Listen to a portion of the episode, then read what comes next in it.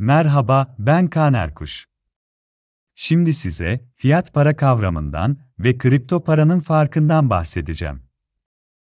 Fiyat para, mal ve hizmet alışverişinde kullanılan kağıt para demektir ve devlet kararına dayalı olarak merkez bankaları aracılığıyla basılır. Amerikan doları, euro, Türk lirası gibi küresel tüm para birimleri fiyat para birimidir. Fiyat paraların karşılığı, altın, gümüş gibi fiziksel rezervlere dayanmadığı için, değeri, arz ve talebin dengesine ve hükümete olan güvenle oluşur.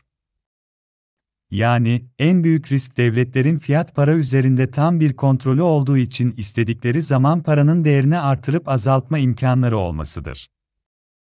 Kripto paralarda tıpkı fiyat para birimleri gibi değerleri bir öz kaynağı ya da fiziksel bir varlığa bağlı değildir, ancak neredeyse verilebilecek tek ortak noktaları budur. Fiyat para birimleri, kripto paraların aksine devlete bağlı olmalarından dolayı tamamıyla merkezileşmiş varlıklardır. Ayrıca, daha önce Bitcoin bölümünde de bahsettiğimiz gibi, Bitcoin blok zinciri platformunda üretilebilecek maksimum Bitcoin miktarı 21 milyon adet olup, fiyat para birimleri devletlerin kararınca sınırsız basılabilmektedir. Artık fiyat para nedir biliyorsunuz.